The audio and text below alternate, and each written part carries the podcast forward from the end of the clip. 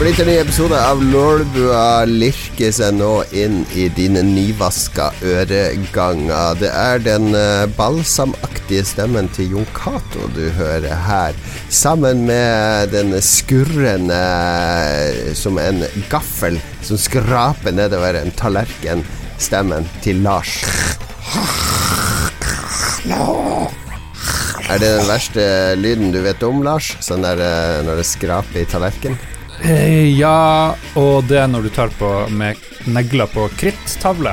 Det er helt forferdelig. Ja, eller isopor på vinduet, husker jeg når vi var mm. barn. Skulle vi drive og tulle, så tok vi isopor, og så skrapa vi på vinduet fra utsida. og Folk satt inne, skvatt. Ja, det kunne man drive folk til selvmord med, husker jeg man sa, hvis man sto lenge nok.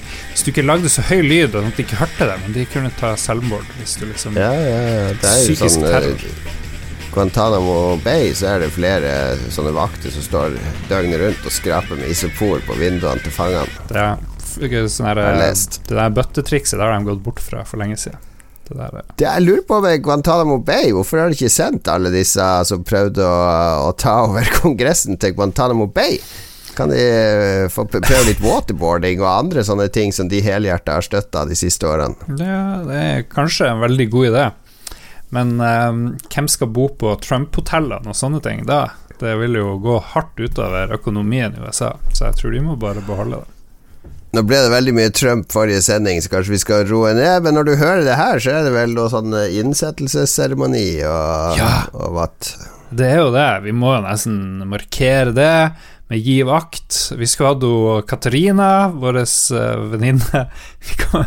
Hun er sikkert lei av at vi sier at hun jobber på en viss ambassade til et land i et annet kontinent. Du får jo ny sjef om uh, og, uh, ja. I dag får du jo ny sjef, det kan jo hende Og, Ok, hun jobber for Donald Trump inntil nylig, uh, gjorde så, så vi skal her. Men det er jo jeg er redd, sånn som for åtte år siden, at han Biden, eller hun Kamala, skal bli skutt veldig fort. Det, det, jeg føler at det er stor sjanse for det. Men um, ja. Og så, og så blir jeg litt eh, filosofisk av det hele. Av at det er ny, nytt kapittel borti USA. Det er, som, det er som nyttårsaften, ikke sant. For vi fikk ikke ordentlig nyttårsaften. Fordi å, er det et nytt år? Nei, det er ikke et nytt år. Det er, alt er det samme. Det er korona. Donald Trump driver kuka. Han er verre enn noen gang. Ikke sant. Jeg er like feit som før. Det skjedde ikke noe mm. nytt. Og så Nå lurer jeg på om det blir det samme, om jeg blir litt sånn filosofisk og deppa av han Biden. At shit, hurra, ny president i USA, det er alt det akkurat samme som før. Ja, kanskje du skulle slå av eh, USA-nyhetene en periode, Lars. Det er jo ikke noe poeng i å være så opptatt av eh, hva som skjer der oppe borte. Eh, jeg vet ikke hvorfor jeg er litt irrasjonelt, kanskje nysgjerrig. Jeg har jo på CNN og NBC og The Donald Det, det her tror jeg vi har snakka om før, men du er jo overhodet ikke like interessert i det Nei. franske presidentvalget eller det tyske no. eh, valget Eller det eller, norske. Det er jo Nei, ja det er jo ikke presidentvalg i Norge, så det er ikke så rart, men du, uh, du, liker jo bare realityshow-aspektet av det. jeg vet ikke helt hva det er, men alt, alt, er jo større og mer flashy og bedre i USA. Sånn er det jo bare. Nei, altså, det, det sier du jo feil. Det er større, og så er det verre. Ja, du kan okay. ikke si at det politiske systemet de har i USA er bedre Nei, enn det, det vi har bedre. i Norge. Nei. Nei. Hvorfor har de ikke bare et flerpartisystem? Hvorfor må de ha to partier? Jeg skjønner ikke det her. Det, det er mange ting som irriterer meg der borte. Og så når de driver og snakker nå på ulike kanaler de, de, polariserer med en gang.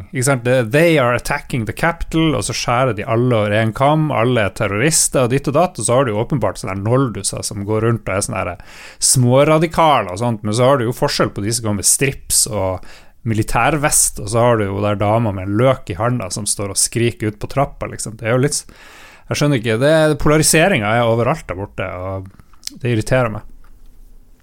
Ja, men den er jo her òg. Altså, den har vi dyrka i 30 år. PlayStation mot Xbox, Nintendo mot Sega. Altså, eh, hele verden Det er sånn der uh, umoden kultur å drive med, sånn polarisering og hva er best, Liverpool eller Manchester United.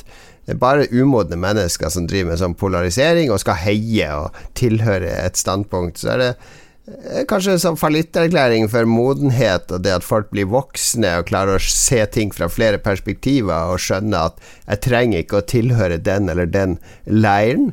Jeg kan respektere disse synspunktene og foretrekke eh, dette synspunktet, men likevel ta inn over meg hva andre mener og sier. Er tapt. Ja, det, det er noe der. Og så når de driver og er på CNN og sier det der, ja, nå er det liksom Enten er du med oss, eller er du mot oss. Alle som var i The Capital, de må bli strengt straff, straffa, og det er helt greit, men hvorfor snakker de ikke om det som ligger bak alt det som har skjedd? Hvorfor snakker de ikke om forskjell i utdanning og inntekt og alt det der? Det er ingen som prater om det. Det blir for komplisert. Det blir for komplisert. Det her merker jo du i ditt virke òg, som avismann at blir det for komplisert, så mister du lesere. Det de vil ha, er puppeglipp, de vil ha koronaskandaler, de vil ha eh, trafikkulykker. Eh, men skal du gå i dybden på eh, kommunebudsjettet og sånn, da, da, er det mange som ikke gidder å lese. Mm. Ja, ok. All right. Fuck, uh, fuck USA. Vi mister masse lesere på det her. Vi må slutte med den der eh, depressive verdenspolitikken vår. Du er ikke helt ferdig med det ennå, ser jeg, fordi du, det står her, har du skrevet i sendeskjemaet, mm. og gjort tegn siden sist, at du er klar for en bedre verden. Ja, men det er jo akkurat det vi var innom, så det, jeg har fått rast fra meg, egentlig. Ja. ja. Håper på en egen bedre verden, forventer det ikke. Bedre på hvilken måte, lurer jeg på da? Mindre drit. Mindre drit, mer eh, kjærlighet. Eh, bare det på klima, ikke sant. Vi har jo levd med en, eh, en, president i USA som bare ikke gjort noe som helst for at verden skal ikke bli en helt forferdelig plass om ikke så altfor lenge. Ja, ja, ikke at vi er så flinke på det i Norge heller, selvfølgelig, men eh, Ja. Det er jo en ting å gjøre seg deppa med. Det er bare uh, oppvarming av verden. Er det, det mørketida som snakker nå, Lars? Er det, er det, har du krangla med kjæresten? Er det mm. Nja Jeg har ikke krangla. Det, det, er mørk side som kommer frem nå, Lars. Du er lei. Jeg er lei, jeg er lei. men jeg har jobba Nå tar vi opp på mandag kveld, og jeg jobba hele helga og hele forrige uke altfor mye, så jeg tror det Nå trenger jeg litt uh, solskinn, litt uh, fri Litt uh, Ja, et eller annet. Trenger noe. C-vitaminer. Ja. Utbrenthet er det som snakker nå. Det er ikke lett å jobbe så mye. Du må ta vare på deg sjøl, Lars. Ja, tror du det er utbrenthet? Jeg vet ikke. Det er jo Nei, man blir jo sliten. Jeg har jo hatt masse perioder der jeg har jobba veldig, veldig mye og vært sliten, men da må du jo gjøre ting som gir deg energi, og ikke sitte på thedonald.org, eller hvor det er du, du liksom skal hente energi og, og, og ta inn over deg en masse elendighet. Du må jo se ting som er positivt, og det er jo masse positivt som skjer i verden nå. Som jeg har lest her, at du er klar for en bedre verden, så lurer jeg på hva må, det, Ja, hva, hva, er det Jeg skjønte ikke helt hva du var klar for, men det er bare sånn generell holdningsendring. Hadde det ikke vært bedre om avisene bare skrev sånn positive nyheter nå under mm. korona, så ble man kanskje gladere. Ja. Men hva er det som gjør deg glad for tida? Det lurer jeg på, hvorfor du er så jævlig Jeg har vært i Zen i mange år nå, egentlig. Jeg har uh, stabil familie, jeg har hjem, jeg har stabil inntekt, jeg har en jobb med masse utfordringer, og det er viktig at du har en jobb som utfordrer deg litt, og som uh, utvikler deg. For det verste som kan finnes med å få en sånn jobb der du bare står på stedet hvil og gjør de samme oppgavene, og det er ting du mestrer hele tida. Så den jobben jeg har nå, den virkelig uh, gir meg masse nye utfordringer, masse jeg må sette meg inn i. Sånn at jeg ut, føler at jeg utvikler meg som menneske. Og når jeg føler at jeg utvikler meg som menneske, da er jeg lykkelig. Men når jeg stagnerer, da er jeg ulykkelig. Ok, ja. For du virker jo litt sint av og til, da. Det er jo et det, Jeg, jeg syns ikke det, men du har jo sånn image på det. Da. Ja, det er, det er, litt sånn eh, De personene vi er her når vi snakker sammen i Lolbua, de er litt sånn skrudd sammen. Så jeg må, jeg må, jo være litt den sinte sjefen eller gamlingen av og til. Det tror jeg lytterne liker. Våre lytterundersøkelser viser at det setter de pris på. Altså, du, skal du være litt mer han der vimsatte eh, halvfullingen? Eh, det Det er sånn nordnorske er litt- stereotypien. Hello! Ja, det er lytterne som taler. Nei da, jeg eh, Men det, det er veldig få ting jeg er oppriktig sånn sint og irritert på, men jeg putter det nok på spissen av og til. Sånn som kjøpesentre og, og alt sånt. Men det verste som finnes, er å være sånn nordlending som, som er sint på ting, for da blir du han der Egon Holstad i, i Tromsø eller Nordlys, eller hvor han skriver med en gang. Den der raljerende nordlendingen. Ja. Har du forresten, det kommer jeg på nå, har du vært utenfor huset noe særlig denne uka? Du skulle jo ikke være ute i det hele tatt, fikk vi høre sist. Ja, det er bra du spør, for jeg klarte å holde meg innendørs fra og med søndag eh, forrige uke til lørdag. Altså seks Åh. dager sammenhengende uten å gå ut av døra. Ja, det var deilig. Ja. Ja, men da det begynte jeg å merke at det der Ring Fit Adventure og den trimmen der og sånn, det er litt sånn Det er en erstatning for noe. Så på lørdag så slo jeg meg løs, og da gikk jeg en sånn tur på uh, Var vel nærmere en mil. Uh, jeg gikk i over to timer. Fikk eh, gått med høyt tempo, svetta litt. Det var ganske kaldt ute, men herregud, som jeg kjente det i bein som ikke har vært brukt på to måneder omtrent. Det var- det skulle tro hardt. at det ikke var sunt å bare sitte inne og spille et kvarter Ring Fit Adventure annenhver dag, liksom? Ja, jeg, jeg, jeg kan eksperimentere med sånt, sånn at lytterne slipper å gå i samme fella. Så nå prøver jeg å komme meg ut uh, på en lengre tur annenhver dag, i hvert fall. Og få litt luft og, mm. og mosjon. Ja.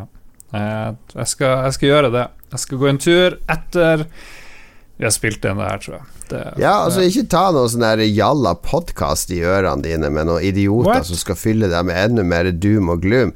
Sett på noe oppløftende og deilig musikk, og la fantasien din løpe løpsk mens du går tur, i, i, med omgivelser og musikk. Det er noe som stimulerer din, krea, dine kreative gener. mm, Trenger ikke sånne eh, mannsstemmer som sitter og, og snakke om politikk eller noe annet. Husker du hva han eh, Lebowski i The Big Lebowski, eller The Dude i The Big Lebowski, hører på når han skal eh, slappe av? Jeg hører på opptak av gamle bowlingturneringer. Og, og Hvale. Hvalskrik. Vala, ja, det er også en, en klassiker. Jeg vet ikke om jeg hadde klart det. det spilte de Jeg var på The Cure-konsert i Oslo Spektrum. Så spilte de sånn halvtime med hvallyder før de gikk på scenen. Så Da sto det bare der ute i mørket foran scenen med noen tusen folk og hørte på hvaler. Ok, Var det provoserende, eller var det bra? Nei, det var helt innafor. Ble ikke provosert av det. Bedre det enn når jeg hadde spilt noe sånn ræva musikk. Ok, Apropos ræva musikk, så har vi faktisk begge sett eh, Melodi Grand Prix i uka som var. Er kanskje derfor du er så deppa? Nei, jeg syns det var helt ok, for jeg fikk høre fra kjæresten det hadde vært Melodi Grand Prix. Jeg bare what? Ok, da må jeg jo sjekke det, og syns det var, var ok, jeg. Må jeg si, ja. Ja, la oss gå igjennom dette med de Grand Prix. For det første er det akkurat de samme programlederne. Jeg syns det er litt kjedelig, da. At de ikke har klart å fornye det litt. Eh, han derre Håkon Hva han heter Kåre Magne Berg?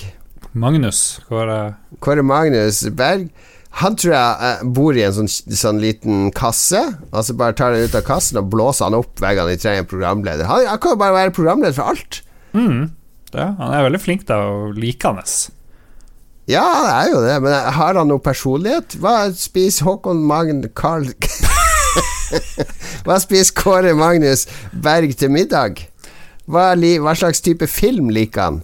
Hva slags musikk liker han? Jeg, jeg føler at jeg har sett en mann eh, mange, mange timer og sett han på skjermen stå og prate, men jeg kan ingenting om han.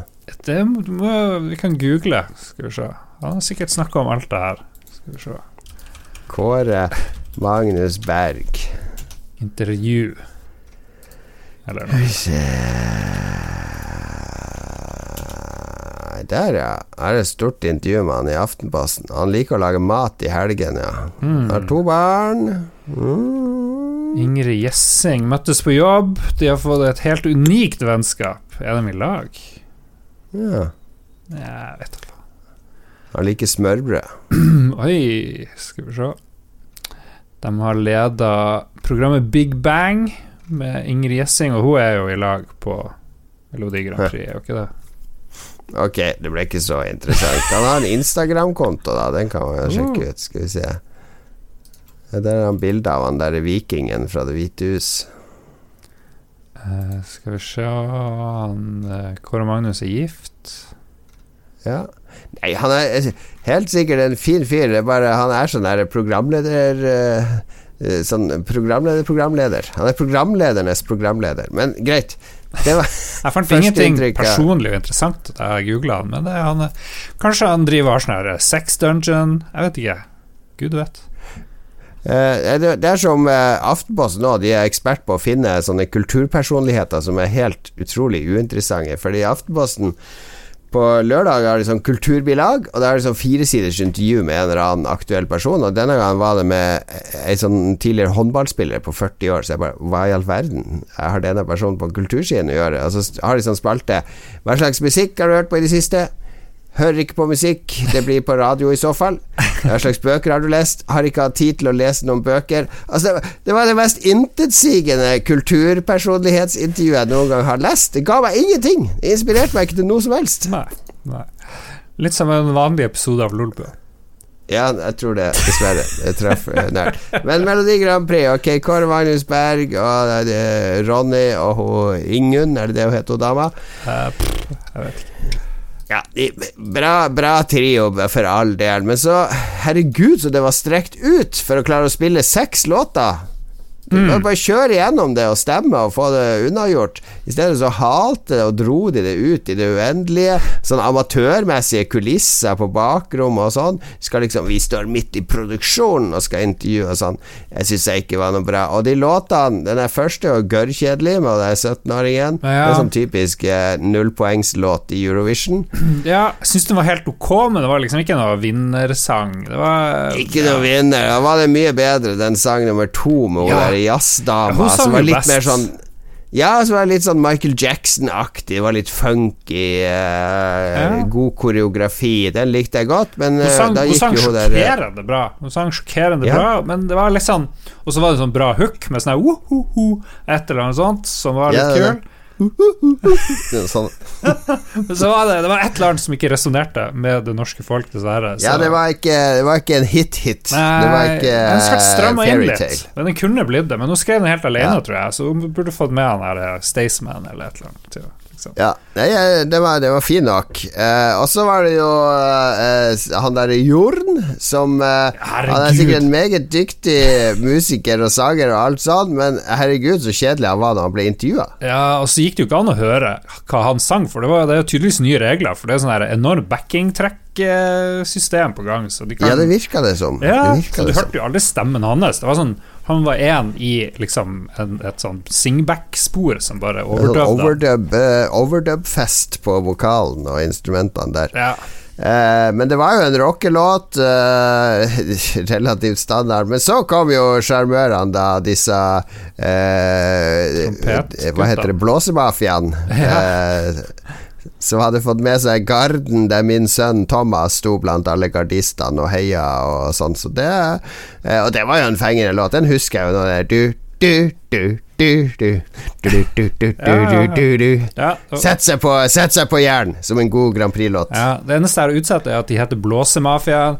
Please welcome from Norway, Blåsemafiaen! The Blåsemafia! Skulle hett Blow Me, eller Blow The Blowjob Mafia blowjob from Norway. From Norway ja. Og så hadde de jo dama som sang, som var helt ok, men hun gjorde ikke sangen bedre, hun gjorde sangen verre, faktisk. Eh, så, ja. Nei, men det er noe sånne krav til at det må være sang i Melodi Grand Prix. Du kan ikke ha instrumentallåt. For du husker når Secret Garden vant med Nocturne? Mm. Ja.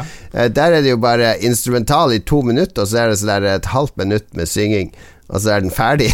Og det, Svenskene leverte jo en protest. Det her er ingen slager! Det her har ingen å gjøre! Her er imot reglementet!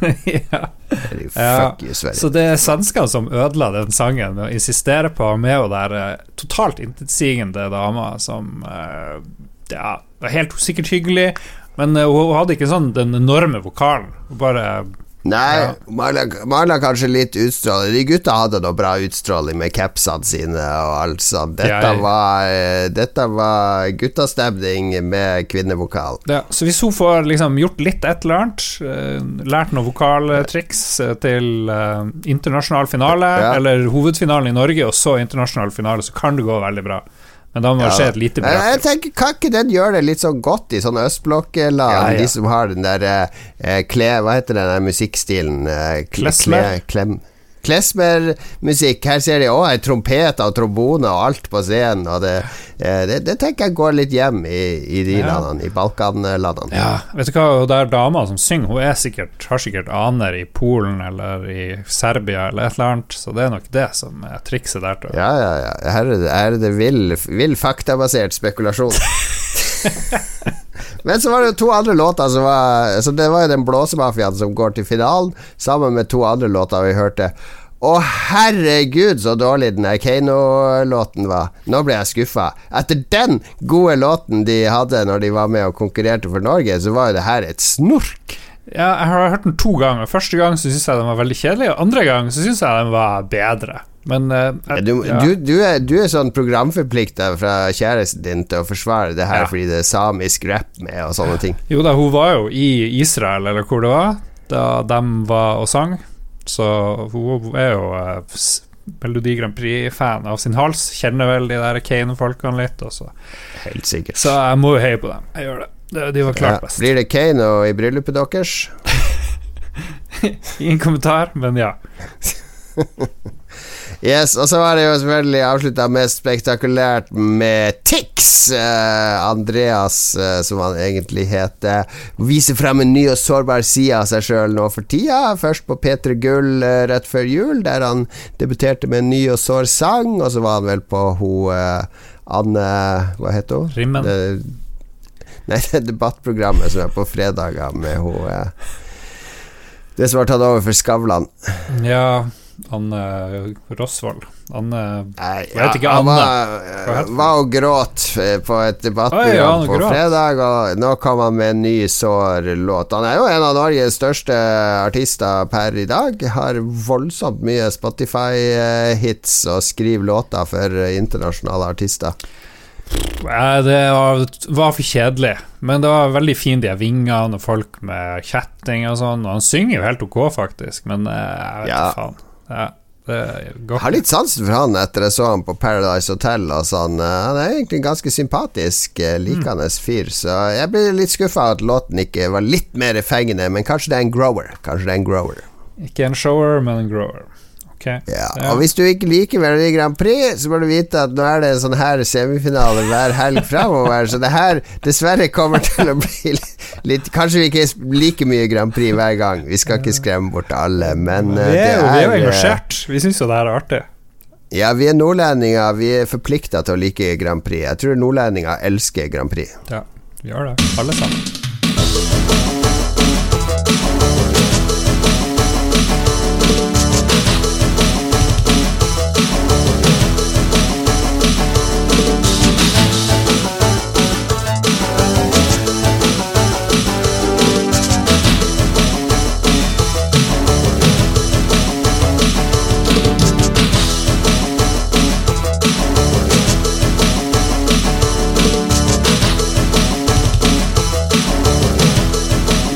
Grand Prix, det fikk jeg sett. eh, fornøyd med det. Ellers har det ikke blitt så mye TV. Det har blitt veldig mye spilling på meg. Og jeg, kan jo ta det først, siden mitt spill er det samme som sist. Jeg har begynt på Escape from Tarkov, og det er jo ikke et eh, spill man legger fra seg etter en kveld. Det er jo en livsinvestering. Så jeg har spilt veldig mye det den siste uka. har Kommet meg opp til level 10, åpna flea market, fått økonomien opp og gå. Fortsatt veldig dårlig, dør veldig mye, mister mye utstyr. eh, men bli bedre. Driver og ser videoer for å lære meg lyder, for å lære meg kart, for å lære meg hvor ting er, for å lære meg taktikker, hvordan skal jeg reagere. Analysere mine egne spill i etterkant. Hva, hva gjorde jeg feil, hva burde jeg gjort, osv. Uh, jeg, er helt hekta, Lars. Jeg ser- Jeg har kjørt så hekta. Hæ? Jeg har ikke vært så hekta på et spill siden Jeg kan ikke huske nesten sist. Okay. Nei, jeg ser jo at den der eh, galskapen har spredd seg. Nå driver vel eh, Ståle Baldvinsson og spiller, og flere i Entourage driver og Ståle, flere i entourage, flere produsenter med. Vi har til og med fått folk som har meldt seg inn på vår discord for å bli med og spille eh, Tarkov. Og jeg har jo eh, Harstad-gjengen, altså halve hytteturgjengen er jo med på Tarkov. Meg og Ruben og Doktoren og Tore. Så vi er, vi er en svær gjeng som sitter og spiller det her nå. Mm. Ja vel. Nei, det var så mye at uh, vi måtte lage en ny kanal i discorden for uh, Tarkov, var det noen som sa. Men uansett, gå dit da hvis dere trenger noen å spille det her med. Men det er jo bare på PC, og det er kanskje like greit. Du må jo sitte og gnukke og styre med mus, og det funker ikke med noe pad her, tror jeg. For her skal du jo det her er vel det mest, det mest Spille med pad i Tarkov! Det her er vel det mest anale spillet du kan uh, få, tror jeg. Nei, det, er, det, må være musespilling der. Det er ikke noe for deg, Lars, tror jeg. Nei, nei, nei. Hold det på PC. Hold det på PC. Jeg derimot har jo spilt noe du har anbefalt for lenge siden. Ja, har, endelig! Du har begynt å ta til deg mine anbefalinger. ja, for nå driver de jo og rauser inn Eller er det fordi kjæresten din har sagt 'dette må du spille, Lars'? Da er det 'oh, ja, det skal jeg sjekke ut'. Nei, det, det, det her sammenhengen er du min kjæreste. Så, oh, men det har litt òg nice. med at det kommer på GamePass, og da tenker jeg ja, ja, det her kjenner jeg jo igjen. Akkurat som Spiritfarer ja. og mye annet. Supraland, og nå er det Wilmots Warehouse som har dukka opp. Jeg må si Jeg trenger kanskje en, trenger kanskje en mus der, altså. Jeg vet ikke om gamepad er korrekt måte å spille Jeg spiller det med gamepad på PC og det er bare vanesak. Ja, du mm. får jo sånne oppgraderinger som gjør at du, du holder inne en knapp, og så rammer du inn det du skal ha, ja, så det går greit, det. Okay. Ok. Nei, da, da, da, skal jeg vel klare det òg, men holy shit, hvor mye varer som skal inn i det her uh, ja, ja, warehouset. Hvordan i Jesus skal du klare å sortere og, og så Det som irriterer meg mest Ok, folkens, du er i et varehus, du ser alt fra ovenfra og ned, og så er det en liten firkant som kan flytte rundt på sikkert 200 ulike ting. Jeg vet ikke. Ulike objekter. Det er 500 objekter. til slutt, Nei! hvis du spiller gjennom. 500 objekter, og alle de eh, må du liksom sortere på et vis i det varehuset, fordi av og til kommer det folk ja. som vil ha ulike ting. Og da må du vite hvor du har dem, og du må klare å få dem inn. Og så kommer nye varer inn, og der må du klare å stable og lage et system på. Og det er meg Det er en ny måte for min hjerne å tenke på det her, altså. For når det kommer inn en sånn ding som jeg ikke vet hva er engang, det er en blå bakgrunn med en sånn gul tunge på, eller noe sånt. Jeg bare OK, hvor, hva, nummer én, hva er det? Nummer to, hvor skal jeg putte det? Og så Samtidig så kommer det 300 nye ting inn hele tida som man må sable og sortere. Og sånn det, det, som er genialt her, er jo at de tingene er abstrakt illustrert. Så hadde det vært sånn der eh, Ja, det er en trompet, ja, det er en, eh, en ball, ja, det er en eh, Så hvis det hadde vært konkrete ting, så hadde det vært lett å systematisere. Men mm. det som er fascinerende med det her, det er hvis, hvis du ser en annen spiller Så her, hvorfor har du putta de tingene sammen? Jo, fordi jeg, det du mente var en trompet, det mener han er et alarmsystem eller et kommunikasjonssystem, så det skal være sammen med TV og radio og andre ting som Ting ligner på ting, men det, det, det, kan, det, kan, tolkes i flere retninger. Noen sorterer etter farge og form, og ja, ja. det sier noe om Hvis du spiller deg mye, det sier noe om din hjerne, og ja. hvordan du systematiserer ting.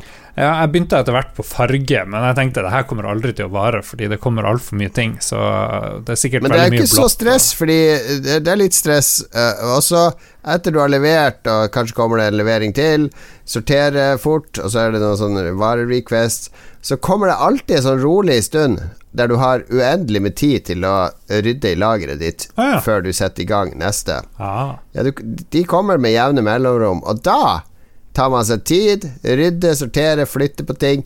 Får du nøyaktig den strukturen du vil ha? Yes, når du er så fornøyd, når det er helt ryddig på lageret. Så trykker du på knappen, så kommer det dyrt, dyrt, dyrt, kommer det varebil inn. Bare tømmer på. 'Å, herregud, hva er det her?' Ja, det burde jo være der, men nå er det ikke mer plass der. Og så er det kaoset i gang igjen. Men du må utnytte de rolige øyeblikkene, er veldig sånn terapeutisk. Mm. Da får du full eh, så mye tid du vil til å sortere alt oppi hodet ditt og på det lageret. Mm. Når du har mange av samme ting, legger du de bare en sånn stripe inn fra veggen, sånn at du kan nå dem uansett hvor mange lag dypt du har eh, objekter. For ellers må du jo drive og fjerne ting, for du bør jo ha tilgang ja. til alt Ja, jeg har, eh, det systemet jeg har som fungerer for det, er at jeg har noen ting framme, og så har jeg et sånn hjørne der det er sånn masselager for det som er mer enn ti av. Ah. Det stuer borti et hjørne. Okay. Men så gjelder det å huske hva som du har på masselageret, da. Så du kanskje har en indikator på der, der de vanlige tingene er. At det Mm. ikke ligger helt inntil veggen, eller noe sånt. Ok, ok. Prøv det her Wilmots Warehouse, folkens. Det fucka meg ganske hardt opp i toppen. Det er psykologisk puzzle-sorteringsspill. Mye morsommere enn vi klarer å få det til å høres ut som, men jeg lover deg, du vil lære, du vil få innsikt. Kanskje vi skulle ha det i spillklubben? Eh, nå har vi snakka om det her. Vi har brent opp det kruttet. Spillklubben neste.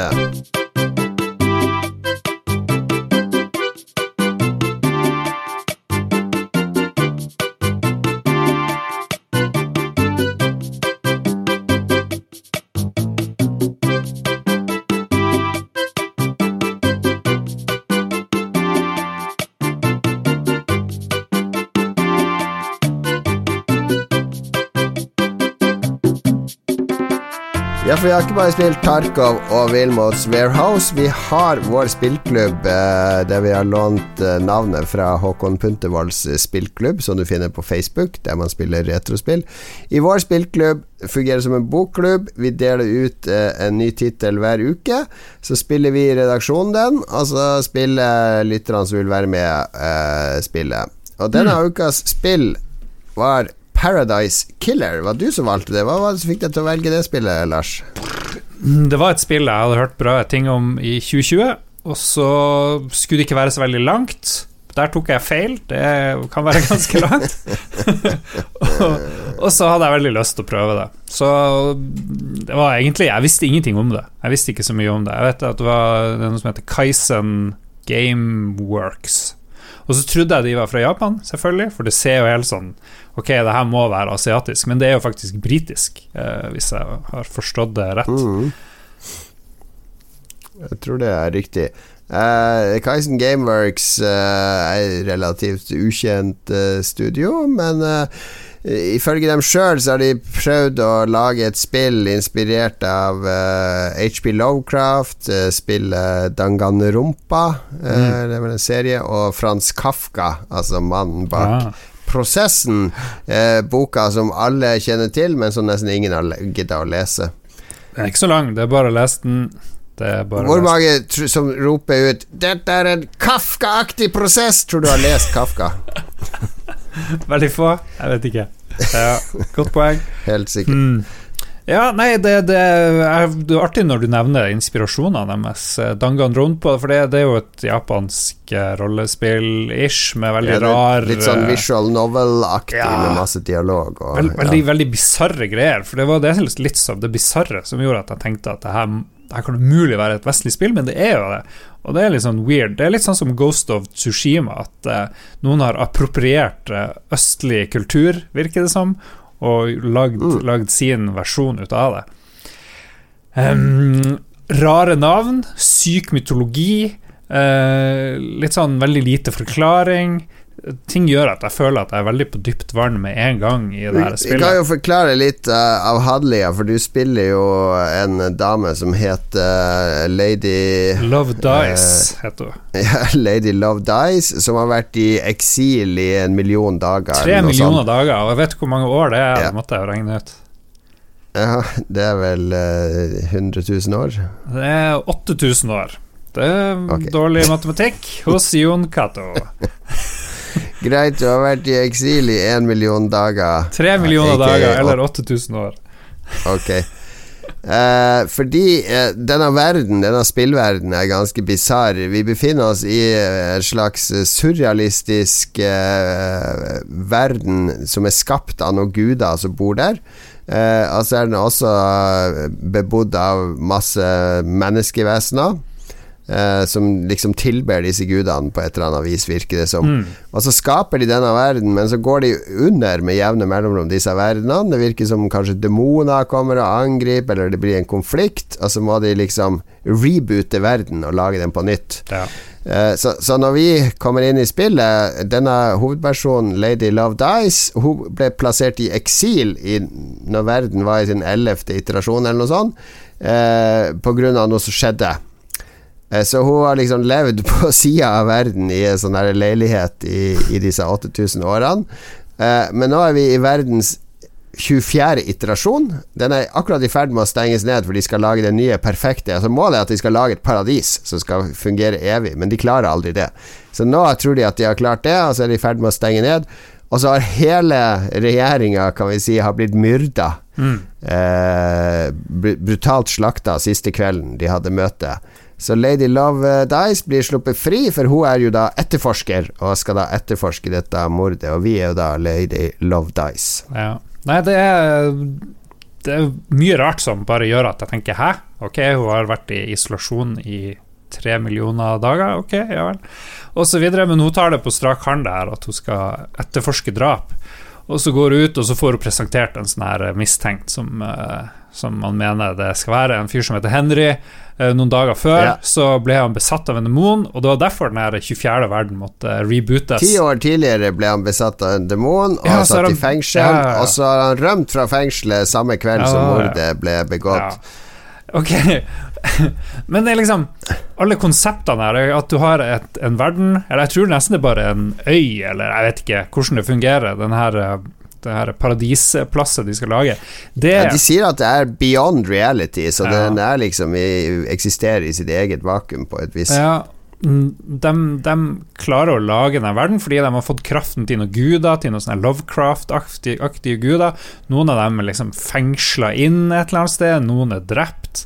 Uh, så det fins noe sånn kosmisk energi som de kan tappe inn i. Ja, de tilber en sånn her uh, geit, er vel liksom den fremste guden deres. Og, uh, men det er, det er, det er sånn Lovecraft-undertoner, og det som de virkelig klarer å få til, syns jeg, er å lage en helt sånn unik verden der jeg føler meg som en helt fremmed. Mm. Altså, jeg, jeg, føler at det, det her er noe de, de, lever på en helt annen virkelighet enn meg. Ja. Sånn at jeg er sånn flue på veggen som bare prøver å suge til meg informasjon og forstå konsepter i det hele tatt. Fordi det er ikke overforklart. Du blir kasta rett inn i I starten så er det blitt sånn overveldende med 'herregud, hvordan skal jeg holde styr på alt det her'? Du har en sånn diger datamaskin i lomma som egentlig trekker alle spor og, ja. og vitneavhør og andre ting du finner, ja, og som praktisk. hjelper deg Du kan søke på ting og se på ting der, men gradvis så går det opp for deg at dette er en helt annen virkelighet enn vår virkelighet. Men det er fortsatt drama, sjalusi, ambisjoner mm. Altså sånne eh, Det vi forbinder med litt sånn menneskelige eh, følelser i bakgrunnen. Ja. Tenk å, tenk å tro at du skal kunne lage en perfekt verden når du har en verden styrt av et, eh, en gjeng som virker ganske lite perfekt. Allerede der ja, begynner det å skurre litt hos meg. Ja, ok, skal, De har jo en egen arkitekt som du kan møte i spillet, og hun virker jo ikke helt eh, god, hun heller. De fleste du møter, er virkelig sånn rare, sånn. så jeg skjønner liksom ikke Ok, de skal lage et paradis, de skal lage den perfekte plassen. Er det, er det en kommentar til vår verden, hvor alle sier 'nå skal vi make America great again', eller 'nå skal vi liksom nå skal, ja, du er der, eller? Ja, nå skal vi lage Nå blir alt bra. Bare stem på meg. Få inn et nytt styre her. Nå skal det bli kjempebra. Vi starter på nytt. Nå er det valg hvert fjerde år. Ikke sant? Resett alt. Nå skal vi begynne på nytt med nye, nye koster skal inn. Og så glemmer, vi, glemmer vi alt som har vært før. Jeg, jeg tenkte ganske fort på sånne ting. da ja, jeg, jeg sleit uh, litt med å koble det for nærme vår verden. Fordi det som imponerte imponert meg, det som er litt sånn guffent, men også gledelig, er jo at vi er en del av det, denne lille sirkelen med guder som bestemmer å skape disse verdenene. Og det blir hele tida hinta til at de har millioner av mennesker, eller hundretusener av mennesker, som også bor på disse øyene. Det er jo et digert sånn boligstrøk som er nesten helt tomt, fordi at de har drept, eller Ja, de kjører rituelle ja. drap for å gi kraft til gudene. De kjører rituelle drap på mennesker og sånne ting. Sånn, det er liksom helt normalt. Og det er uh, det jeg tenker sant, Når du ser Marvel uh, og sånne ting, eller når vi hører om Thor og Odin, så tillegger vi de ofte at disse gudene er på en måte bare mennesker der oppe. Så at vi kan forholde oss til de eh, som eh, de, Deres eksistens som vår eksistens. Mm. Mens det de lykkes med i spillet her, er at vi er en del av det, disse gudene, der jeg ikke helt er på bølgelengde med alt de gjør og holdningen, men de klarer å skape den derre jeg skjønner at dette er guder. De er arrogante. Mennesker betyr ikke noe for dem. De har helt andre prioriteringer og bekymringer enn de der menneskene som tilber dem så de lykkes med å dra oss inn i en sånn sirkel der du føler at det her er fremmedgjorte, det er andre vesener med, med noen menneskelige egenskaper. Jeg, jeg, det fascinerte meg utrolig mye. Ja. Uh, musikken er jo en greie for seg sjøl. Plutselig tenkte jeg sånn Miami Vice eller jeg vet ikke, sånn 80-tallsaktig. Mye saksofon og kanskje den der typiske ja. japanske Namco-musikken når du driver og kjører i Ridge Racer og sånt. Litt der av og til. Uh, veldig amerikansk. Og så Selve byen, selve øya, er jo ganske spesiell i seg sjøl. Jeg blir aldri le av å gå rundt og kikke og prøve å komme meg hit og dit. Og det var det var egentlig Hadde det ikke vært for at vi skulle snakke om det i dag, så hadde jeg brukt litt mer tid på å gått og bare sosa rundt, for det, det, er jo en åpen verden. Du kan jo bare gå og sose rundt og gjøre hva du vil, selv om mm. spillet sikkert har en viss formening om hvor det vil at du skal fære, men du kan gjøre hva du vil, og så har jeg skjønt jeg ikke fullført det, men uh, så lenge du har bevis nok, eller samler inn noe bevis, så kan du anklage hvem som helst for, for drapet, og så blir det kanskje en rettssak eller et eller annet, jeg vet ikke. Ja, det, det blir det, og det er, ikke, det er ikke sånn at uh, alle kan være morderen. Det er ikke sånn der åpent spill der Eller det er ikke eh, noen sånne her type spill Der er sånn at det genererer clues og sånn, og så må du finne de og sortere de, og så kan det kan være alle, så du har gjenspillingsverdi. Men det er liksom Det er en ekte slutt her en mm. konklusjon som krever at du finner og nøster sammen alle trådene sjøl. Ja. Uh, og, det, den utforskinga likte jeg òg, men den er også litt uh, når, Første gang jeg falt ned mot den øya, så tenkte jeg på Myst.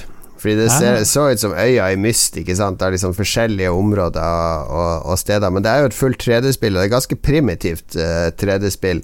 Det er mm. åpenbart at de har dette er egentlig veldig bra utvikla, for de har skjønt hva styrken i spillet er. Det er uh, å samle disse sporene og snakke med disse folkene og forhøre disse folkene. Og finne de riktige sporene og ta de med til en person og konfrontere, så du låser opp uh, uh, ny kunnskap som igjen bringer deg videre. Så det er det de, som har vært hovedfokuset. Altså kommer det en 3D-verden som stort sett ser ut som en slags forgylt Minecraft-verden, laga på syre. Det er firkanta, det er primitive teksturer.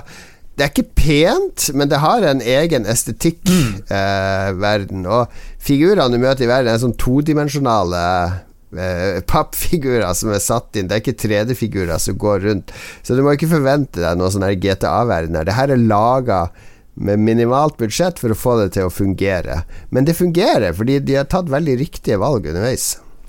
Ja, jeg syns det fungerer. Og Kanskje er verden litt for stor, eller noe sånt. Jeg vet ikke, jeg tør ikke si det. Men det å stå høyt oppe på en, en skyskraper og se rundt, så, så, er det bestandig noe interessant et sted du har lyst til å fære. Så heldigvis er det ikke fall damage, så du kan bare hoppe dit du vil. Du ja, og de har en sånn der uh, vertical exploring. Jeg var ikke så fornøyd med det der. Uh, det er litt sånn plattformspill. Ja, fordi du skal samle mynter, og, og, du kan finne items her og der. Du ser de ganske godt. Det er også sånn audio cue med at ja ting begynner å sprake og knitre når det er i nærheten av noe du kan plukke opp. Ja. Og det er, det er, ofte Jeg husker i starten brukte jeg 20 minutter på å ta heisen opp på en sånn skyskraper og prøve å falle ned på riktige tak for å plukke opp noen mynter, for jeg ble helt besatt av å få Jeg, jeg ser det jo, jeg ser den er der, jeg vet jeg kan komme meg dit, men det er ikke akkurat sånn Super Mario-presisjon på de hoppingene. Og så får du oppgraderinger etter hvert som gir deg dobbelthopp og sånne ting, men det er ikke spillets store styrke, men det, det, holder på interessen min i den verden. Hadde det bare vært at jeg skulle gå fra person til person, så hadde det blitt litt sånn kjedelig. Men det er liksom hemmeligheter å finne overalt i den verden.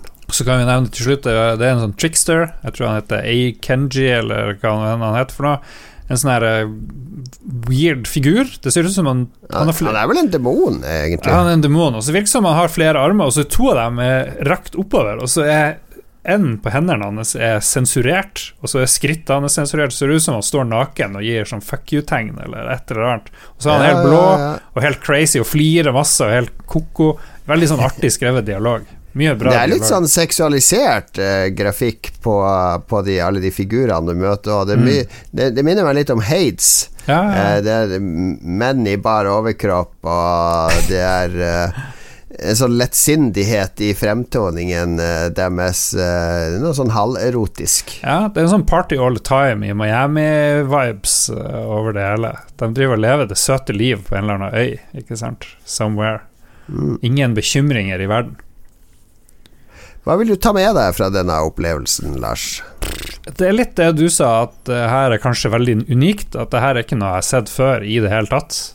Det finnes sikkert ting som er ganske lik, men det har ikke jeg spilt. Så den følelsen av å oppdage noe helt nytt er jo kanskje noe, en av de bedre følelsene, og at du likte det. Så den der eh, oppdagelsesgreia, liksom Oi, det her er en liten perle som, som, som jeg har lyst til å utforske mer av. Ja, det tok meg litt tilbake til barndommen og ungdomstida når jeg drev og spilte Commodore 64, og hvert nye spill du lasta inn, var eh, liksom en ny verden, nye regler, eh, en ny virkelighet å sette seg inn i. Eh, og- det var litt det her, fordi jeg føler veldig mange spill lener seg for tungt på Eh, vi, vi har jo snakka i spillerved om at nå kommer Indiana Jones og Star Wars, og IO Interactive laget James Bond, som jeg, jeg er egentlig ikke interessert i å oppleve så mange spill i disse veldig etablerte universene.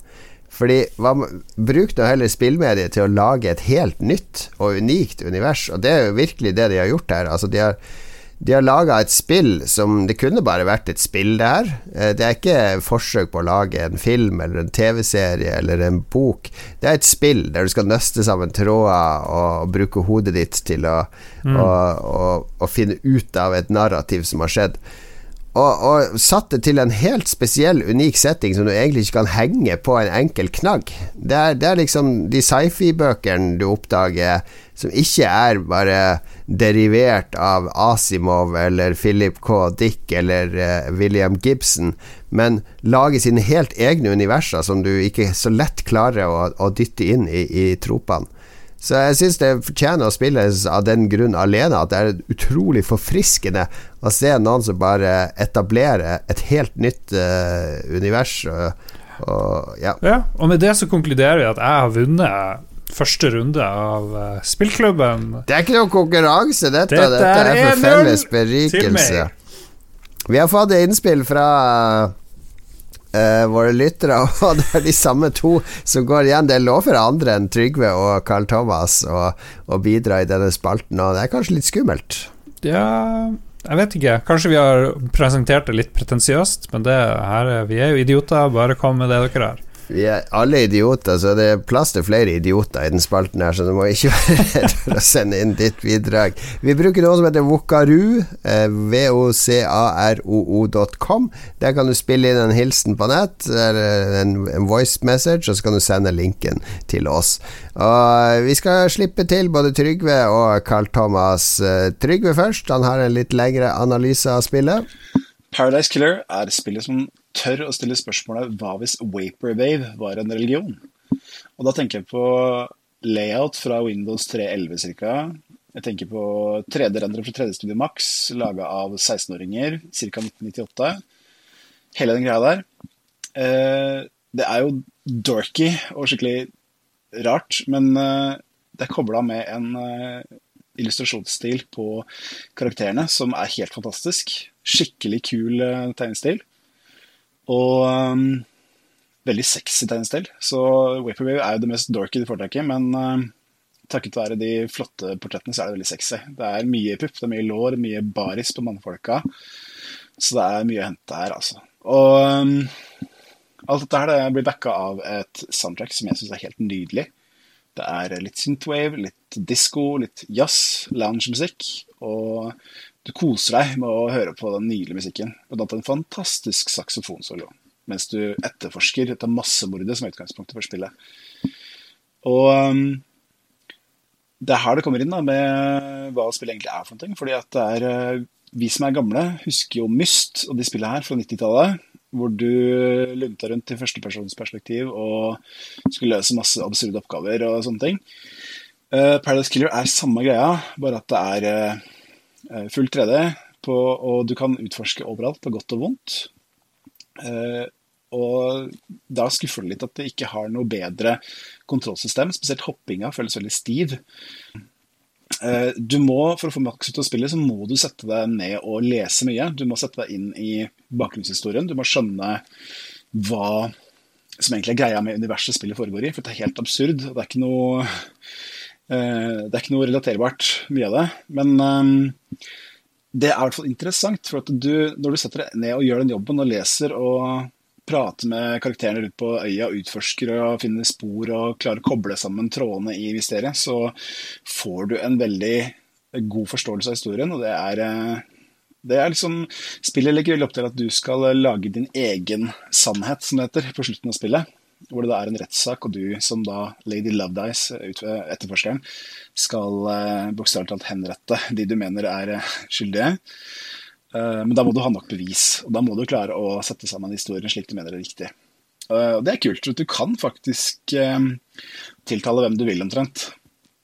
Men hvis du ikke har nok bevis, så får du ikke, får du ikke godkjent det. Så Men jeg, jeg har lest litt etter dette runde spillet, og der er det mange forskjellige løsninger på det spillet. Og det, sånne ting er jo veldig kult, syns jeg. Så det tar altså lang tid å sette seg inn i dette her må lese mye, må sette deg inn, men altså, det er veldig verdt det. Altså. Du, eh, dette er sånn old school adventure-spill på godt og vondt, som sagt. Og du, eh, du, eh, du, får mye igjen altså, for den jobben du gjør. Uh, Sjøl om det er et par sånne skattejakter hvor du må finne veldig godt gjemte og det er ikke verdt å bruke tid på. Bare sier det. Hvis, det er, hvis du kommer over et puzzle hvor du skal finne ti sånne røde, røde edelsteiner sette inn i en tavle, så bare uh, gjør deg sjøl en tjeneste, skip den. Den er ikke verdt det. Så men um, det jeg også vil si, er at uh, dette er jo også laga av veldig få mennesker. Det er jo et indiespill. Og de har lagt, for eksempel, uh, lagt veldig vekt på at det skal være veldig varierte skuespillere som er med i spillet. Og legger stemme på karakterene. Og det er uh, bare noen få replikker på hver. det høres kanskje litt rart ut, men det funker veldig bra. Du får veldig inntrykk av hva slags stemme de personene har. Og du det sier mye om hva slags karakter det er. Og så er det veldig variert. Det er noen som er, har aksent fra Iran, noen fra eh, Kenya, Skottland f.eks. Så, så det, er, det gir en liksom, Du får liksom en variasjon der som jeg setter pris på. Um, og så er det noe med det, jeg må nevne at alle navnene Dr. Doom Jazz, uh, Lady Lovedice er hovedpersonen. Uh, bilen til en på øya som har bil, heter Burnt Parliament det er veldig mange bra navn her, og mye det er sånn quirky humor. Hvis du ser litt uh, dypere, så finner du mye sånne rare ting som er morsomme og kule å få med seg. Um, det, pluss at spillet endelig lærer deg hva motherfucker er på rumensk, og det er noe du kan ha bruk for seinere i livet. Takk til Trygve for den innsikten. Og som vanlig så har Carl Thomas levert Carl Thomas har veldig sånn der eh, Han kunne jobba i radio. Han har veldig sånn poengtert. Mm. Eh, Jobba litt med manus på forhånd. Skarpe observasjoner. Og han er litt, litt i din bane her, eh, Lars. Han eh, drar det inn mot politikk og det som har skjedd i USA nylig. Ja, ja. Nei, jeg må si vi er på bølgelengde der, altså. Så takk for innspill. Hei, jeg heter Carl Thomas, og jeg har spilt fire-fem ganske forvirrende timer av Paradise Killer. Det er åpenbart for lite til å gjøre en god analyse, men jeg har likevel en refleksjon jeg ønsker å dele. Vi befinner oss i noe som minner om en LSD-versjon av Miami, der én syklus i dette universet er i ferd med å ta slutt. Styresmaktene her er guder, og nå, helt på slutten av denne regjeringsperioden, så har det vært et brutalt angrep på Senatet, som har endt med flere omkomne. Vår jobb er å oppklare hva som har skjedd, bygge en sak og stille den ansvarlige for retten.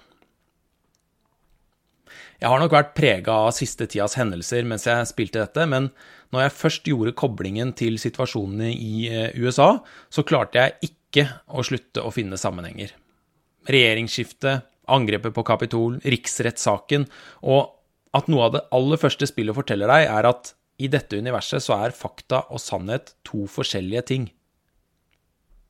Ok, kanskje koblingen er litt påtvunget, men for meg så gjorde det at Paradise Killer gikk fra å være et forvirrende detektivspill med et litt for pretensiøst manus, til å bli en ganske interessant samfunnskommentar.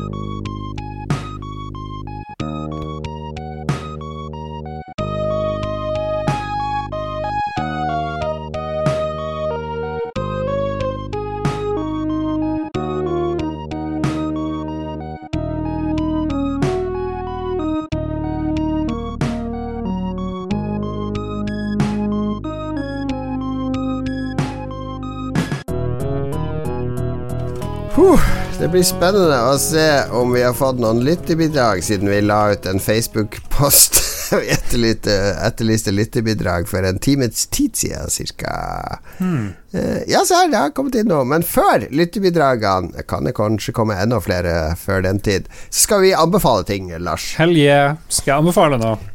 Jeg gjør det. Forrige uke anbefalte du dypdykk ned i Trump-supporterne, og da kom du tilbake til denne sendinga dypt deprimert. Så la oss Hvordan skal jeg anbefale noe som får oss ut av den depresjonen? Ja, når du blir dypt deprimert, sånn som jeg ble etter å ha undersøkt thedonald.win Sist uke så måtte jeg bare flykte helt fra, fra realitetene. Jeg begynte å lese 10,000 Doors of January, som er Jaha. en uh, fancy-bok som fikk meg til å føle litt sånn som uh, jeg følte da jeg spilte Paradise Killer, at det her har jeg ikke lest før. Um, det er kanskje ikke like unikt, men dere vet den her eh, portalsjangeren, den her uh, Narnia og, og andre er Der du finner en sånn der dør i skapet til en annen verden. Ja, nettopp. Det at du kan forsvinne og bare fære til et eller annet magisk sted. Den her 10,000 Doors of January Den snur litt det her på hodet og har veldig mange twists og turns som jeg ikke så komme. Og, og, og den samler alle mange, mange tråder helt magisk til slutt. Den handler om ei dame som heter January, så da, eh, etter tittelen, som, som bor hos en litt sånn grumpy gammel mann i et svært hus. Han driver og samler på masse sånne ting. Kanskje er de litt magisk. Han han, eh, han er kanskje ikke verdens snilleste, men han gir henne en sånn oppdragelse, mens faren driver og drar rundt og, og samler inn ting for han her Mr. Lock. eh, som, som fer rundt. Han heter Lock, og det handler om dører, ikke sant? og det, det er veldig mye eh, som spiller på lag her. Um, det er ei dame som har skrevet den. Skal vi se hva hun heter for noe. Jeg glemte helt hva jeg skulle si. Dama som har skrevet den, heter Alex E. Harrow. Jeg har aldri hørt om henne før, men nå skal jeg lese alt hun har skrevet, for det her var, var virkelig fantastisk. Det, det, begyn- det begynner litt sånn ok, eh, helt ok. Hun bruker mye ord, hun bruker veldig mange ord på å beskrive hvordan bokstaver ser ut. En P føles sånn, og en T symboliserer ditt og datt, men så bare rauser det på, og så blir det bare helt fantastisk. Den, den er jo nominert, og jeg husker ikke om den vant, til og med. Den her Hugo og Nebula-prisene eh, var den aktuell til. Så mm, Hva er det Hugo-prisen? Vet ikke. Det er Hvem sånn er Hugo? det, Er er, det Hugo? rådmannen i Harstad sin pris for Fantasy? Han heter jo Hugo Hansen. Jeg tror det er en kis i klassen min på Heggen. Han Hugo som ble tannlege, eller noe sånt. Ja. Ja. Nei, jeg vet ikke. Hugo, Nebula, alle de her pristingene har den vært aktuell til. Utrolig koselig. Veldig artig å lese um, kvinner som skriver bøker, syns jeg. Se om jeg klarer å liksom legge merke til om det blir litt annet. Her er det jo Nå er du på, er du på ute i farlig farvann her. Ja, men det, her er det jo masse kvinnelige sterke karakterer og hovedpersoner og alt mulig. Og, Men, men, uh, men, jeg- men Har- Harry Potter er jo skrevet av en kvinne. Verdens største fantasyserie i dette årtusenet. Og transpersonhater, er ikke det? Og, uh, Ja, hun J.K. er, Rowling. eh, hun er engasjert i den debatten, kan vi vel si, hvis vi skal være veldig sånn forsiktig. jeg tror hun er helt gått amok, hun er J.K. Er hun, også, er hun Kari Jakkesson? Ja, jeg tror hun faktisk har blitt? Kari Jakkesson. Hun er ikke langt okay. unna det. Så, men det er ikke hun her Alex i Harrow håper. Så les den her 10,000 Doors of January. Jeg sier veldig lite fordi det er så veldig lett å spoile denne boka. Um, og så er den veldig fint skrevet. Et språk som blomstrer. Jeg tenkte litt på den her The Name of the Wind, som jeg ikke vet om du har lest, uh, Jon Cato, Jo, faktisk har jeg lest første boka av den. ja, jeg tror det er bare første bok som er verdt å lese. Den er, den er litt sånn Oi, det føles, føles ut som et ordentlig eventyr, og det gjør denne boka her. Jeg tror til og med du hadde likt den, Jon Cato. Ja, det kan godt hende. Eh, kan godt hende. Jeg skal notere meg ned din anbefaling. 10,000 Daws of January Yes. av eh, Alex i Krebold, var det vet Harrow til etternavn. Harrow. Krebold?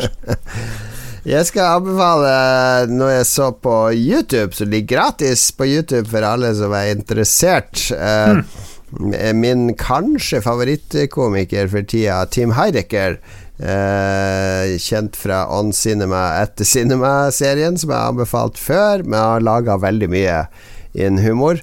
Eh, litt sånn Han er også med i en del filmer. Med i Us. Der har han en større rolle som eh, sånn hvit dude i den familien de besøker der. Eh, så han er Han lager musikk òg, så han er liksom en sånn skikkelig eh, multikunstner, men kjent for humoren sin. Um, Tim og Eric er vel det showet som Magnus uh, Ja, jeg tenkte på Magnus med en gang da du sa Tim Heidecker. ja, ja. Tim, Tim og Eric er jo det showet han er veldig kjent for, uh, sammen med Erik Heidecker. Men det som har skjedd, er jo at han har uh, gitt ut sin første standup. For han, er, han har aldri vært noen sånn standup-komiker. Og den heter An Evening with Tim Heidecker. Okay. Og jeg er ikke så veldig glad i standup, for jeg syns det blir Det er litt sånn slitsomt når de skal stå i en time og prate om seg sjøl, og dette har skjedd, og ditt og datt. Så det som er med Tim Heidecker, er at når Tim Heidecker er Tim Heidecker, så er han ofte en, en versjon av seg sjøl, som ikke er den helt ekte person. Så han er jo Tim Heidecker i On Cinema etter Cinema, som igjen blir en rettssak fordi han er involvert i en festival der masse ungdommer dør av noen sånne giftige vape-apparater som han har vært med å produsere. Eh, som også er hysterisk morsom. Så han er Tim Heidecker i mange forskjellige settings. Han bruker sitt navn som frontfigur. Så denne Tim Heidecker, standup-komikeren, han er, uh, han er egentlig ganske, ganske kjedelig og dårlig standup-komiker. Okay. Og litt sånn arrogant og hissig. Så det er litt sånn meta-standup. Så Jeg tror Magnus Jeg snakka med Magnus om den standupen. Han sier at det er sånn standup som komikere elsker, og publikum eh, ikke skjønner. Er det der hvor i starten hvor han liksom later som at han skal improvisere alt, eller noe sånt? Eller er Ja, for, ja, Først så styrer han jo masse med mikrofon og mikrofonstativet, ja. så får han ikke slått av musikken. Og så skal han liksom eh, gjøre noe sånn revolusjonerende, han skal bare improvisere.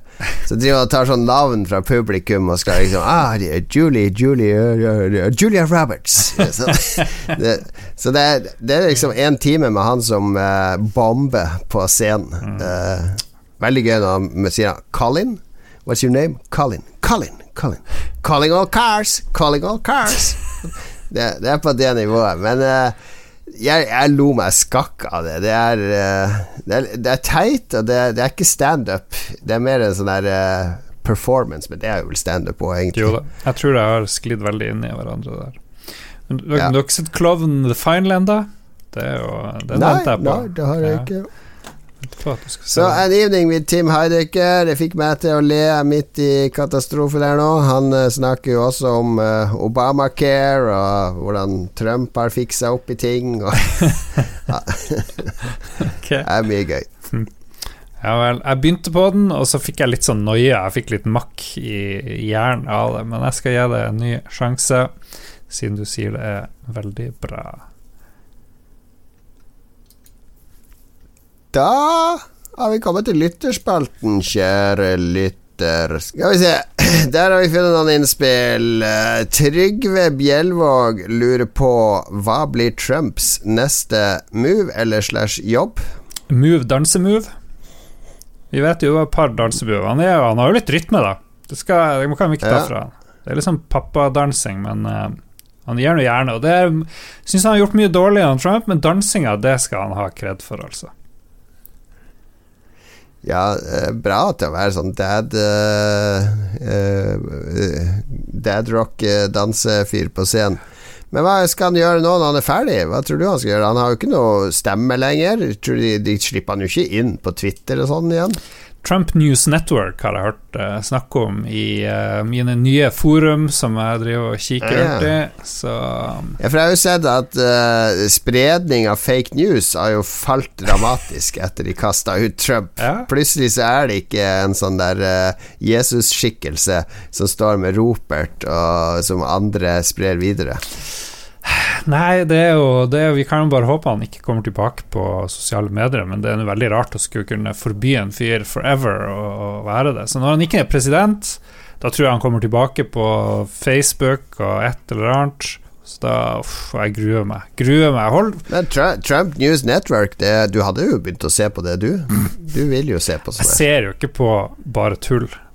Eh, jeg gjør jo ikke det. Jeg ser jo på seriøse ting.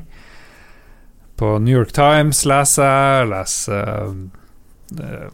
Ikke begynn å flotte deg. jeg har ikke noe andre eksempel. Det eneste jeg kan, er New York Times. Men uansett, Ja. når jeg ikke leser The Donald og ikke Breitbart, dokument.no og sånn, da er jeg på Er Breitbart operativt ennå? Jeg vet ikke. jeg har ikke vært der på veldig lenge. Det det, jeg husker Det var jo en annen fyr de muta, han der eh, Milo Janavo Han der eh, Han som kjøpte Wutang Clan-plate? Nei, det er, det er jo han der eh, farmasøytduden som kjøpte Wu-Tang. Men han Milo Janapolis var jo sånn alt-right-journalist på Breitbart. Mm. Som ble kjempesvær, og så muta de han, og da bare forsvant han helt. Det, det funker. Nei, hva han skal gjøre? Hvordan jobber kunne Trump eh, passe som TV-program? Noen må jo gi han et TV-program, vil jeg tro. Somewhere.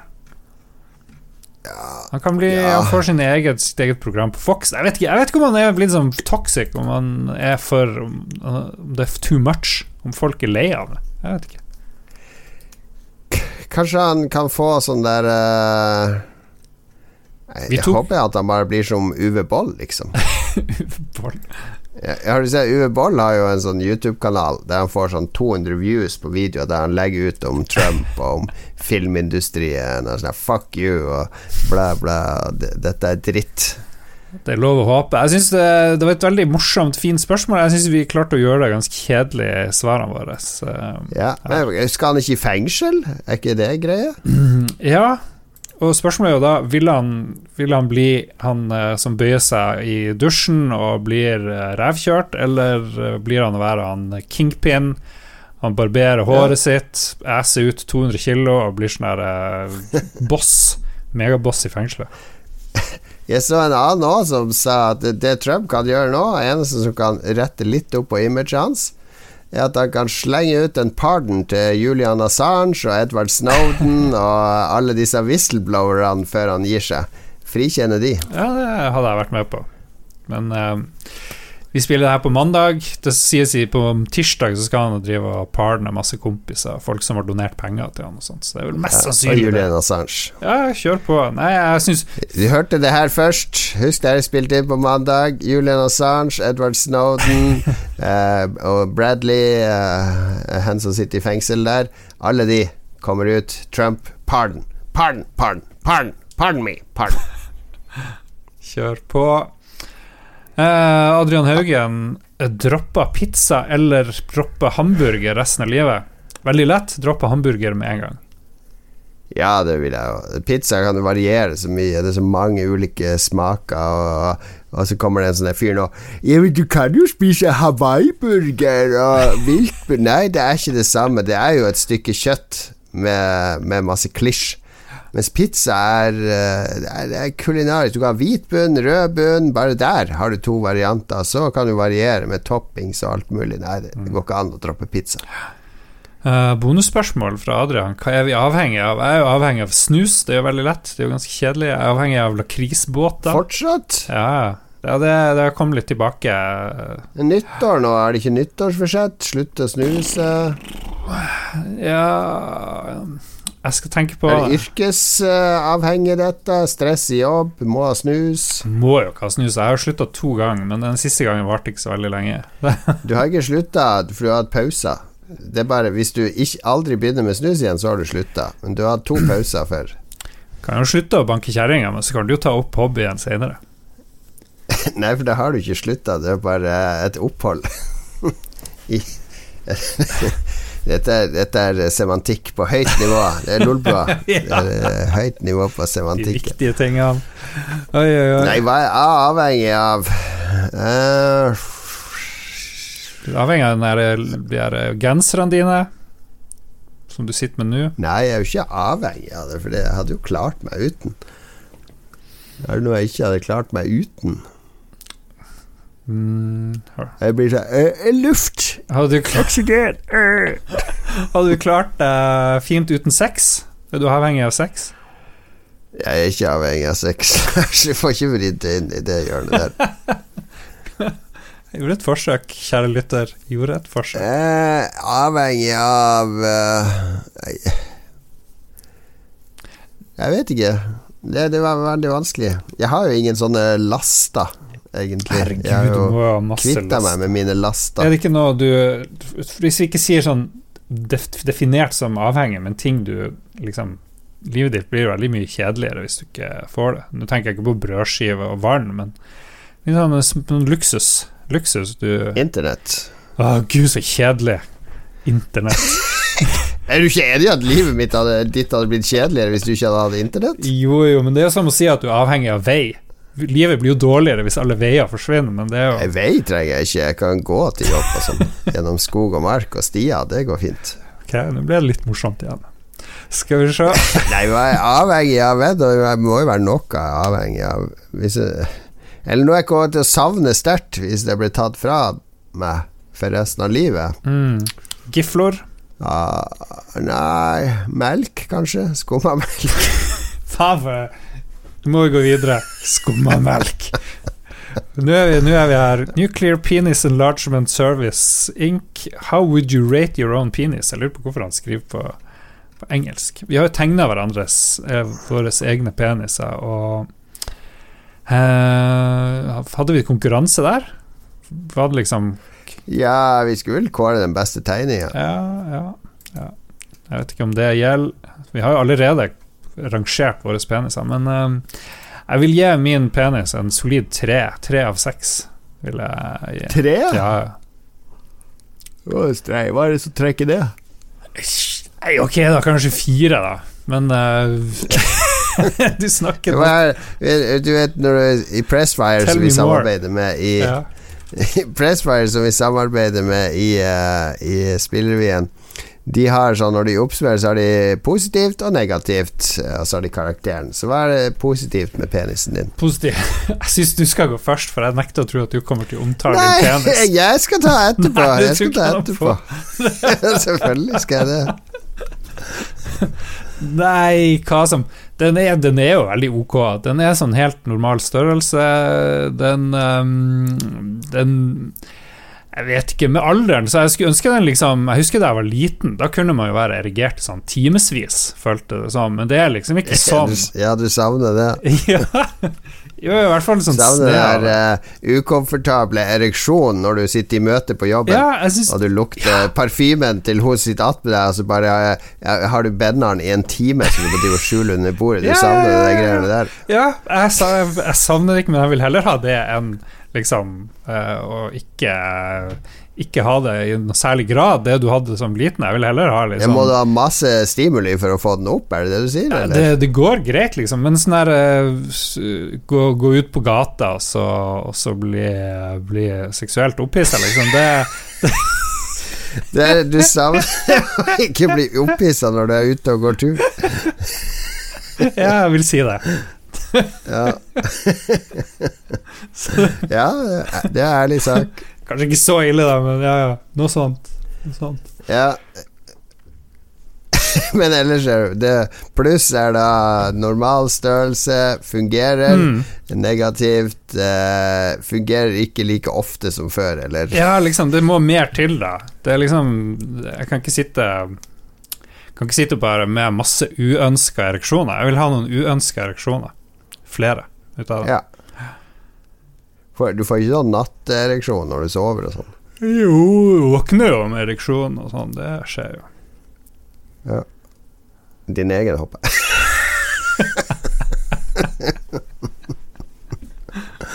Yes, det var det vi hadde for i dag. Da. Nei, jeg, jeg er på eh, Jeg vil ha terningkast fire Vet du hva, jeg hadde terningkast fire før. Nei, før hadde jeg terningkast tre, nå er jeg terningkast fem. Jeg har gått opp Oi! etter jeg ble omskjært. Jeg hadde jo noen sånne der, uh, hudgreier sånn, Ja, du hadde trang forhud.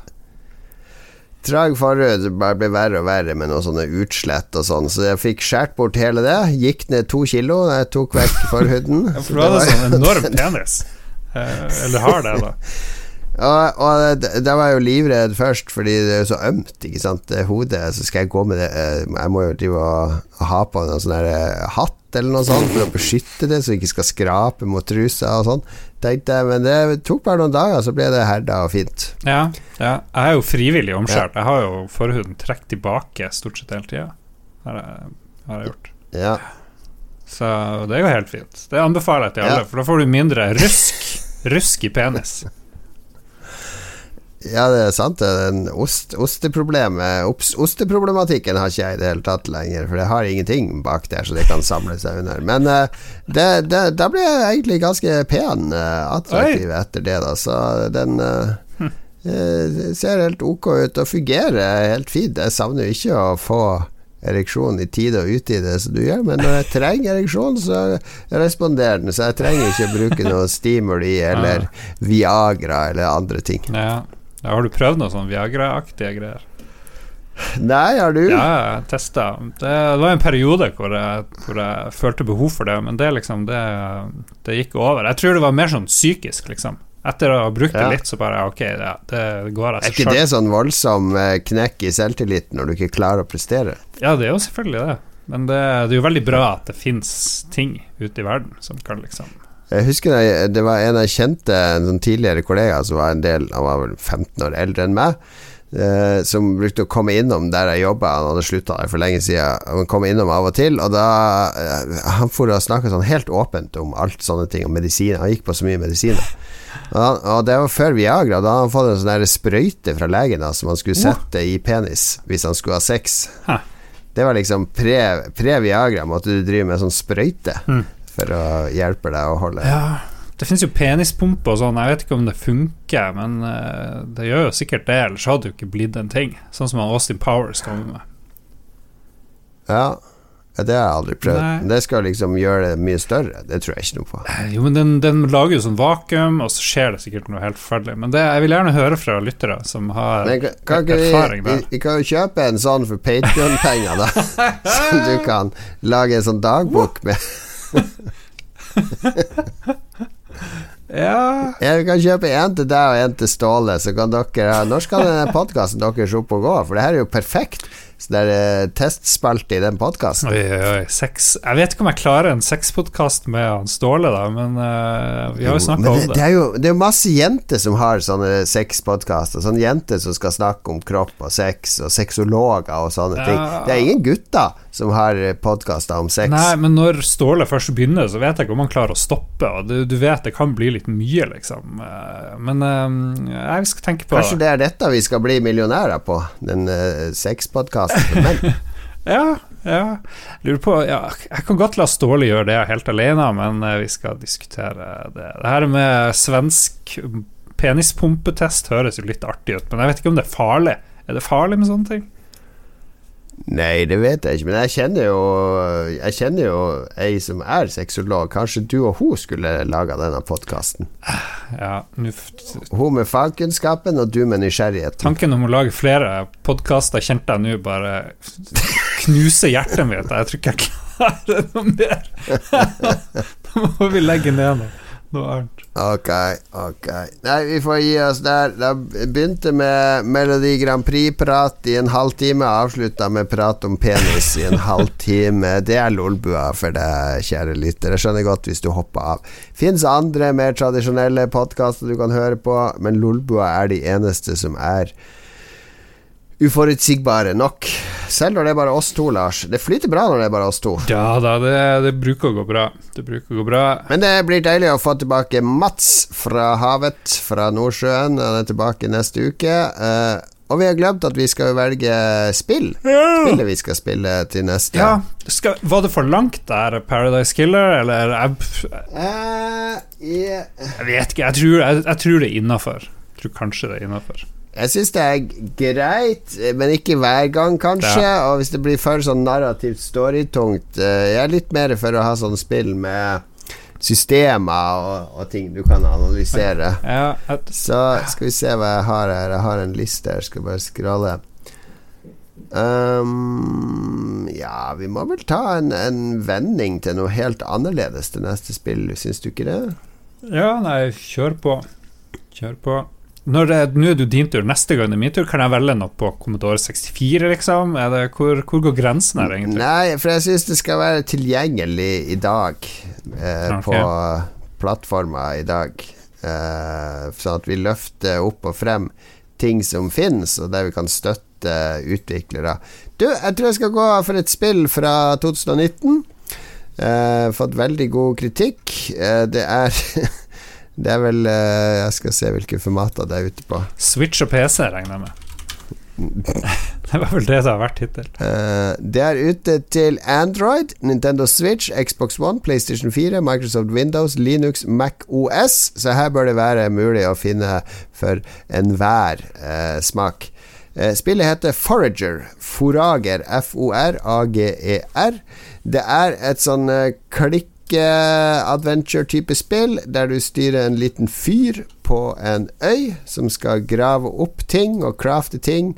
Eh, litt sånn inspirert av Minecraft og sånn, kanskje. Veldig lettspilt. Veldig eh, deilig. Jeg har fått utrolig god eh, kritikk, skal vi se her, på storepagen på Steam. Very positive reviews. Jeg har fått over eh, 18 000 anmeldelser opp gjennom tida.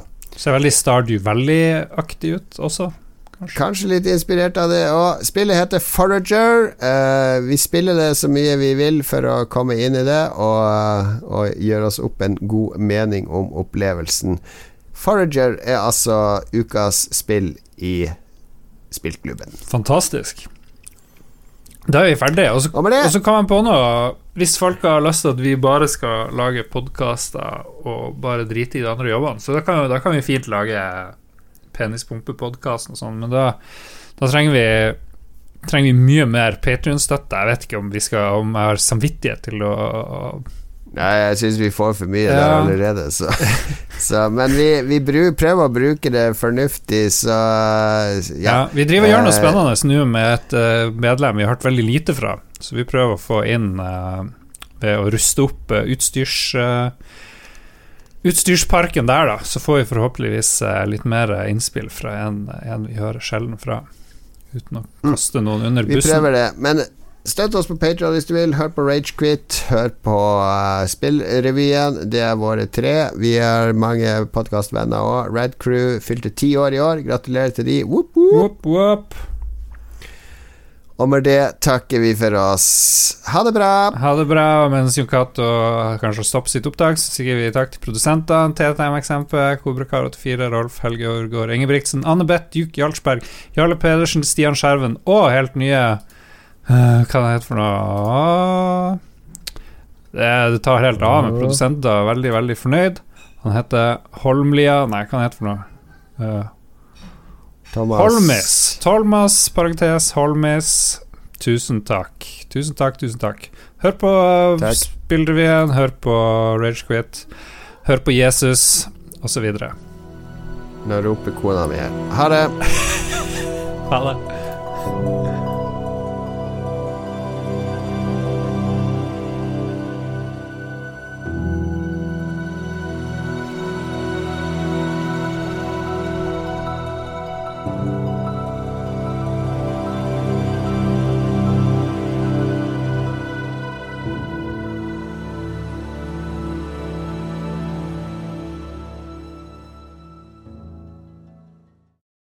Har du et enkeltpersonforetak eller en liten bedrift?